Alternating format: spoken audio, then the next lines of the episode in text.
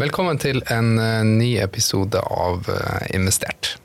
I dag skal vi snakke om uh, generasjonsskifte, og spesielt fokus på aksjeselskap. Og så skal vi i en annen episode dekke det samme hovedtemaet, men da med fokus på eiendom. Mitt navn er Mikael, og Mitt navn er Heidi. Og gjesten vår i dag, det er Toril Jørgensen. Er, du har vært i studio hos oss før, men jeg kan jo kort presentere deg. Du er jo vår eminente leder i vårt advokatfirma, Sødeberg Partners Advokatene. takk for det. Ja. Velkommen tilbake. Takk. Dette temaet vi skal snakke om i dag, det er jo veldig sammensatt. Eh, både følelsesmessig ofte og faglig teknisk. Mm. Så og du snakker vel sikkert flere ganger i uka med kunder om dette her. Hvordan angriper du det litt sånn tema når du snakker med kunder? Nei, det er jo som du sier faktisk at det er eh, todelt, og de fleste som kommer til oss eh, regner med at vi skal fokusere på det tekniske. Og det er jo en, en viktig del av jobben vår. Men, men, vel så mye så tenker jeg at i innledende runder at man har et bevisst forhold til hvem er det faktisk da som man ønsker skal ta dette videre. Skal alle barna f.eks. eie like mye? Eh, har man et driftsselskap som kanskje skal selges ut, og at det skal bli midler igjen som ligger i holding, så er det kanskje greit at man deler det likt. Men er det et driftsselskap som en skal ta hovedansvaret for, og som kanskje har jobbet mest med, så blir det kanskje ikke nødvendigvis rettferdig, som mange er opptatt av, at eh, man skal dele likt. Nei, for det kan jo være hvis én søsken er aktiv og har to søsken som ikke er aktive.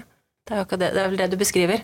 At, uh, at en skal legge inn arbeidsinnsatsen, men alle skal ha likt. Ja, så, så, det er i hvert fall en bevisstgjøring rundt det. Hvem er det som skal overta, og, og når skal man overta? Um, og, og, da kommer man fort litt over på den tekniske delen igjen. For mange er jo egentlig motivert av å utnytte i hvert fall den situasjonen vi har i dag, hvor det ikke er noen arveavgift. Ehm, og, det skjønner jeg for så vidt godt, fordi at eh, personlig tror jeg jo kanskje arveavgiften kan komme tilbake på et eller annet tidspunkt. Ikke med det aller første, for der har jo i hvert fall både statsministeren og finansministeren fredet den i denne regjeringsperioden. Men, men at den kan komme tilbake på et senere tidspunkt, det tror jeg jo. Eh, og så er det formuesskatten òg at det, det, kan være besparende for familien sett under ett å fordele midler til barn. Og med barn så tenker jeg ikke nødvendigvis på mindreårige, men, mm. men altså på neste generasjon. Eh, som har egne fribeløp man kan utnytte. Det er jo i dag på 1,7 millioner, så det er jo noe å ta med seg. Pluss at mange i en etableringsfase har både studielån og boliglån. Som gjør at det kan være litt formuesskatt å spare også på å overføre verdier til, til neste generasjon. Så jeg ser den motivasjonen. Eh, men personlig er jeg også opptatt av at man skal heller bruke tiden til å begynne å involvere neste generasjon. Fordi at vi ser jo ofte at eh, det kan komme veldig overveldende når eh, mor eller far plutselig forsvinner. At man får store verdier i fanget, eller får et driftsselskap som man skal ta ansvaret for, og som man ikke føler seg forberedt på. Og der har jeg også litt sånn egen erfaring oppsummert i hodet òg. At ganske mange foreldre har lyst til å beskytte barna sine mot at kanskje familien har litt formue når barna er unge. At de kanskje ikke skal ta det helt inn over seg. Og så tenker de kanskje at barna er litt unge ganske lenge. Så vipper jo fort over i, i 20-årene. Og så hvis man snakker med foreldre som, hvor barna har bikka 30, så begynner de kanskje å si 'Å, dette skulle jeg snakket med barna om tidligere, egentlig'. Mm. Men årene går så fort, og så har man det behovet om å beskytte veldig lenge, og så vips, så er barna egentlig godt voksne. ja. Er det, er, det, er det, sånn at eh, når eh, Jeg tror mange eh, er skeptiske til å starte den diskusjonen. Altså De har en idé om at de kan spare både skatt og avgift, eh, kanskje, eh, som følge av å planlegge det. Men samtidig så, så gruer de seg til å starte denne prosessen. Basert på deres erfaring, hvor stor er sjansen for å for å få en lykkelig utgang på en sånn prosess? Jeg vil i hvert fall si at den er eh, større jo tidligere du starter. Nettopp. Um, og eh, nå snakker vi jo ofte i utgangspunktet egentlig om familier som, som sitter og har uh, latente verdier, i hvert fall, som ja. er relativt store. Uh, det er ikke de vi, som har uh, tre aksjer i Hydro eller noe sånt når vi snakker om. Vi snakker om de som enten har et driftsselskap eller et uh, investeringsselskap som sitter på store, eller større i hvert fall, verdier. Um, og vi oppmuntrer veldig ofte til også og når vi har startet en prosess, og etter hvert involvere uh, neste generasjon, altså barna, uh, og inviterer ofte de også inn i samtale med oss, sånn at det ikke nødvendigvis er mor og far som skal sitte og ta disse tekniske samtalene, men at det kan være fornuftig at det er noen utenifra som, som har litt distanse, og som kan eh, fortelle mm. litt om, om, formålet, og hvordan man også kan ta forskjellige eierskap da, ja. til, eh, til, det at man nå har blitt medeier. Jeg tror det er lettere for familien å diskutere det videre hjemme hvis flere i familien har vært i et møte med en nøytral person som kan reglene en del, som kan forklare litt og tegne på tavla. Ja. Så kommer man litt lettere ut fra hoppkanten hjemme også, når man skal diskutere det videre. Mm. Men, men, anbefaler dere da å kanskje starte det første møtet bare med, med mor og far, som er giver? Um, og så i fase to uh, møte sammen med de som skal eventuelt tilgodeses. Absolutt, og vi sier jo uh, ikke sant, Heidi, at dette mm. er en modningsprosess. Mm. Uh, og at alle parter trenger tid til å modnes på det. Både de som skal fatte beslutningene og faktisk begynne å overføre verdier, og, og de som skal ta imot.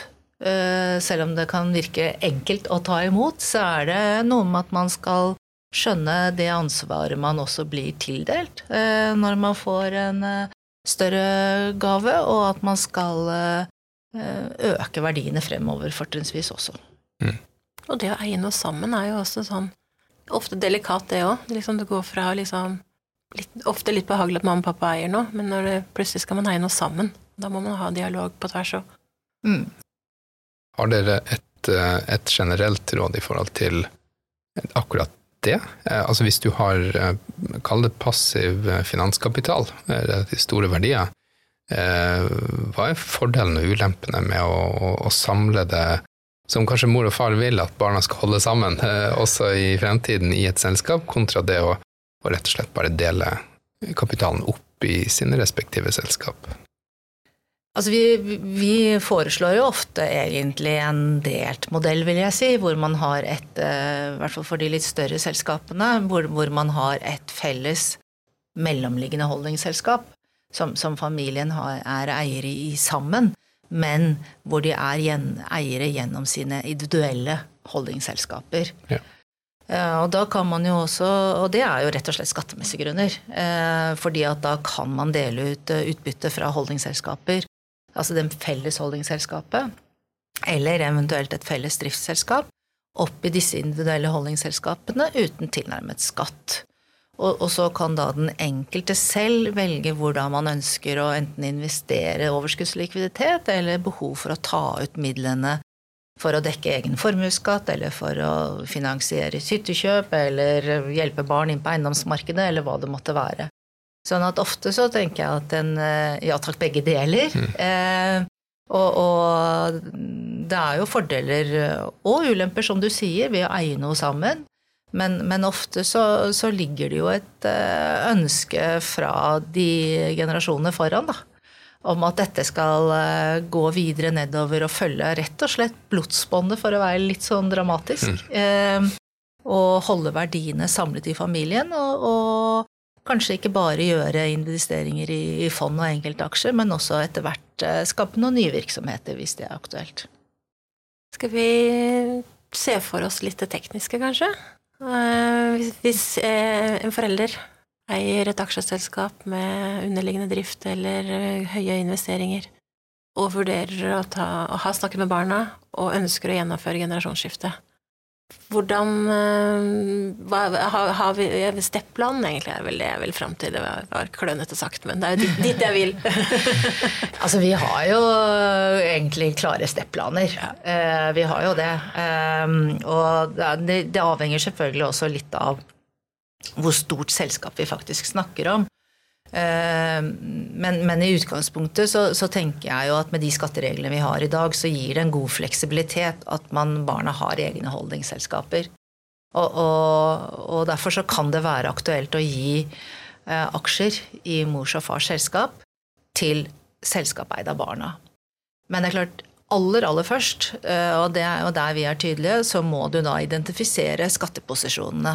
Og, og nå tenker jeg mange gjesp, noe så kjedelig, men så utrolig viktig. Så dette med å sjekke hvilke eh, inngangsverdier er det på aksjer, er det innbetalt kapital som kunne vært utnyttet først, det tenker jeg er liksom første skritt på veien. Jeg er helt enig. Det er helt avgjørende for å komme riktig ut eh, fra oppkanten her. Ja. Og det ser vi jo eksempler på, at man ikke har tatt seg den tid til å gjøre den øvelsen, og så kommer man galt ut, og så angrer man seg, men så er det for seint. Mm. Da får man innlåsninger. Ja. Så steg én kartlegge skattemessig. Ja, og det er Avhengig av hva du finner da, så er det litt avgjørende for den videre ferden. Mm. Eh, men, så tenker jeg også at step to er jo å etablere A- og B-aksjer i selskapet. Ja.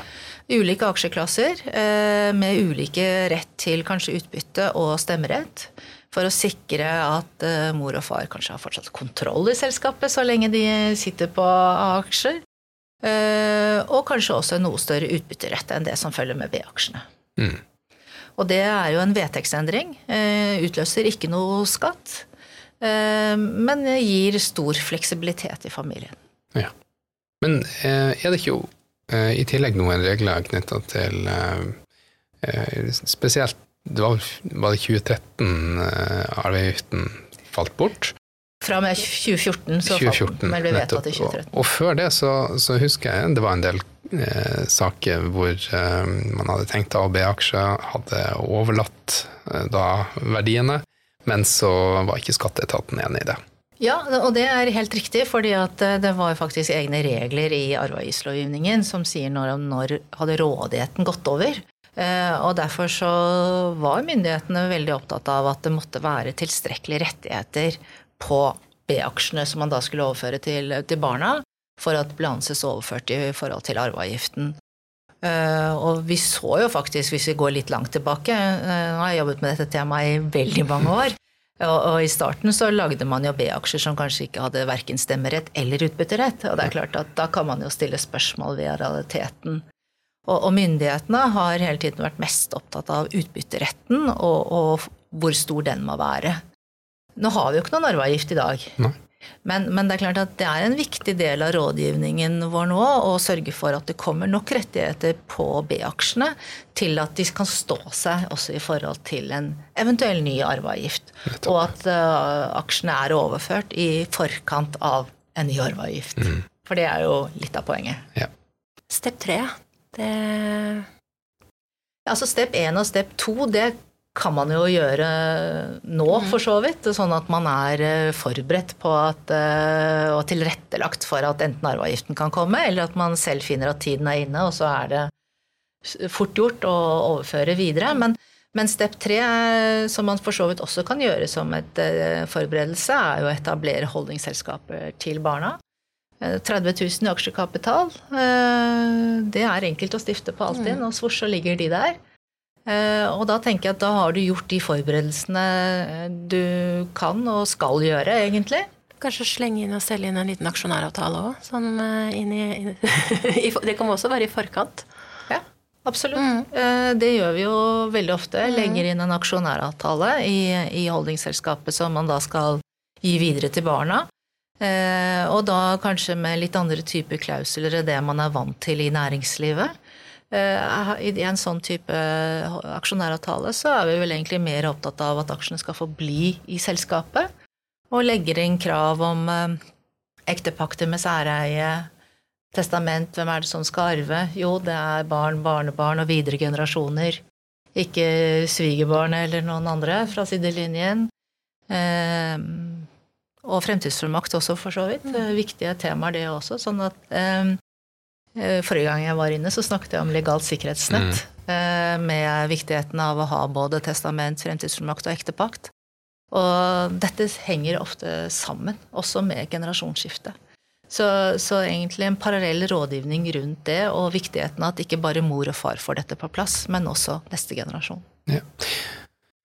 Det er bra. Og dere snakka jo om step 1, 2, 3, og det er sikkert en terminologi som dere bruker en god del. Men hvis, du, hvis, du, hvis dere skulle da bare oppsummere disse steppene i rekkefølge var, var Step 1 er altså skatt, kartlegge skatteposisjonene, var det, skjønte jeg det Ja, riktig? Det er helt riktig. Det tenker jeg er første skritt man gjør. Det er å skattlegge skatt... ja. Det er å identifisere skatteposisjonene. Veldig vanskelig ord. Eh, og, og så ut fra det eh, velge modell fremover. Skal man gi aksjer da til barn, eller skal man gi det til selskaper eid av barn, eller skal man selv utnytte noe innbetalt kapital for å sikre seg noe vederlag i forkant? Det er step 2. Det er for så vidt en del av step 1. Oh, ja, det er step 2. Eh, den, eh, vi, men, men step 2 tenker jeg er etablering av A-B-aksjer i selskapet. Ja. Veldig vanlig å gjøre. Eh, jeg tror nesten ikke vi gjennomfører et generasjonsskifte før, uten å etablere ulike aksjeklasser. Mm. Og så er step tre egentlig eventuelt da etablering av disse holdingselskapene. Ja, nettopp. Ok. Eh, Og alt dette er jo ting man da kan gjøre i god tid før man faktisk trykker på knappen og lager gavebrev. Ja.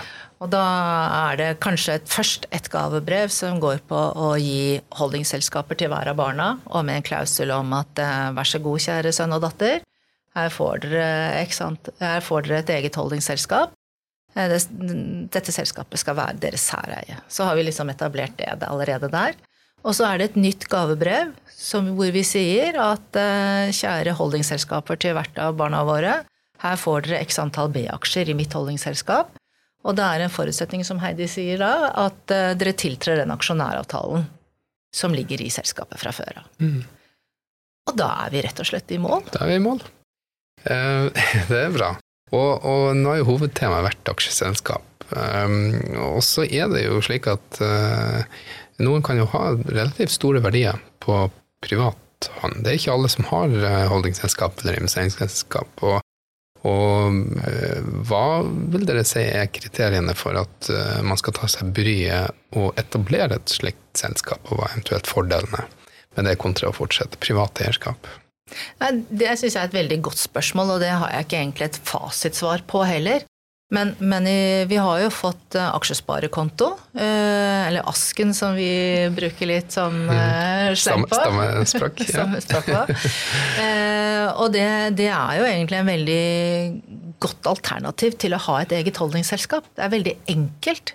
Du slipper et eget regnskap på det. Du får en egen oversikt som kommer rett inn i skattemeldingen din.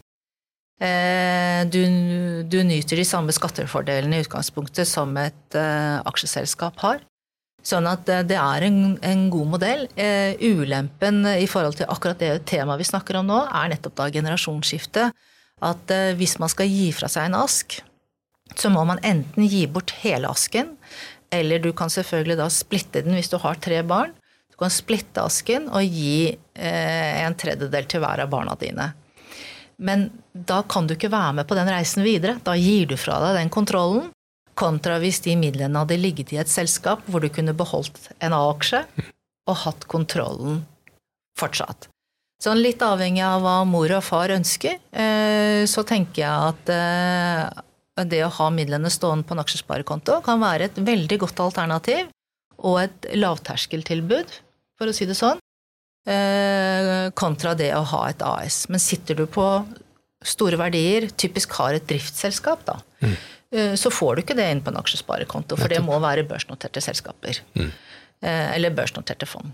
Sånn at eh, da er eh, holdingselskaper og den modellen vi nå har brukt litt tid på å snakke om, en, et veldig godt alternativ, tenker jeg. Og har dere noe tommefingerregel i forhold til størrelsen på kapital eh, som skal til for å, for å organisere dette i et holdingselskap? Hva vil du si til det, Eidi? Nei, vi har vel ikke det. Det er jo alltid litt den konkrete vurderingen, men eh, Jeg tenker i hvert fall Etter at vi har fått aksjesparekonto, så har den grensen økt. Ja. Eh, og eh, kommer det en med 10 millioner kroner, så er ikke det nødvendigvis det første jeg sier, at du må få deg ditt eget aksjeselskap. Nei. Og, det er jo et stort og høyt beløp. Ja, visst er det. Så, men, men kanskje det går et eller annet sted rundt der. Mm, ja.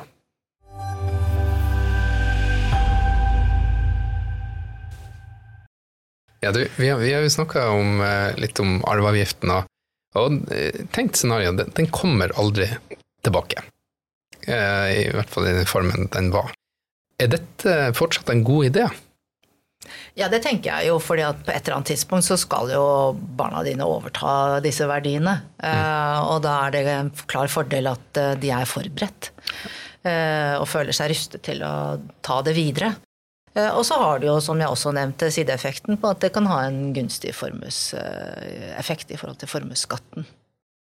Jeg skal prøve meg på en liten eh, avrunding og oppsummering, så dere får eh, fylle på hvis det er noe jeg glemmer. Men, men jeg tenker når jeg snakker om generasjonsskifter, da er det jo å overføre verdier i levende livet, altså ikke ved død. Og da er jo litt disse Når er familien klar for å gjøre det? Det var jo litt der vi begynte. Og det handler jo helt om kommunikasjon, da. Og at foreldre som skal gi fra seg, er bevisste og trekker inn barna det var individuelt for hver familie, da, men at man gjør det når tiden er moden. Men kanskje ikke utsetter det for mye. Heller ha barna med litt på reisen og har en åpen dialog.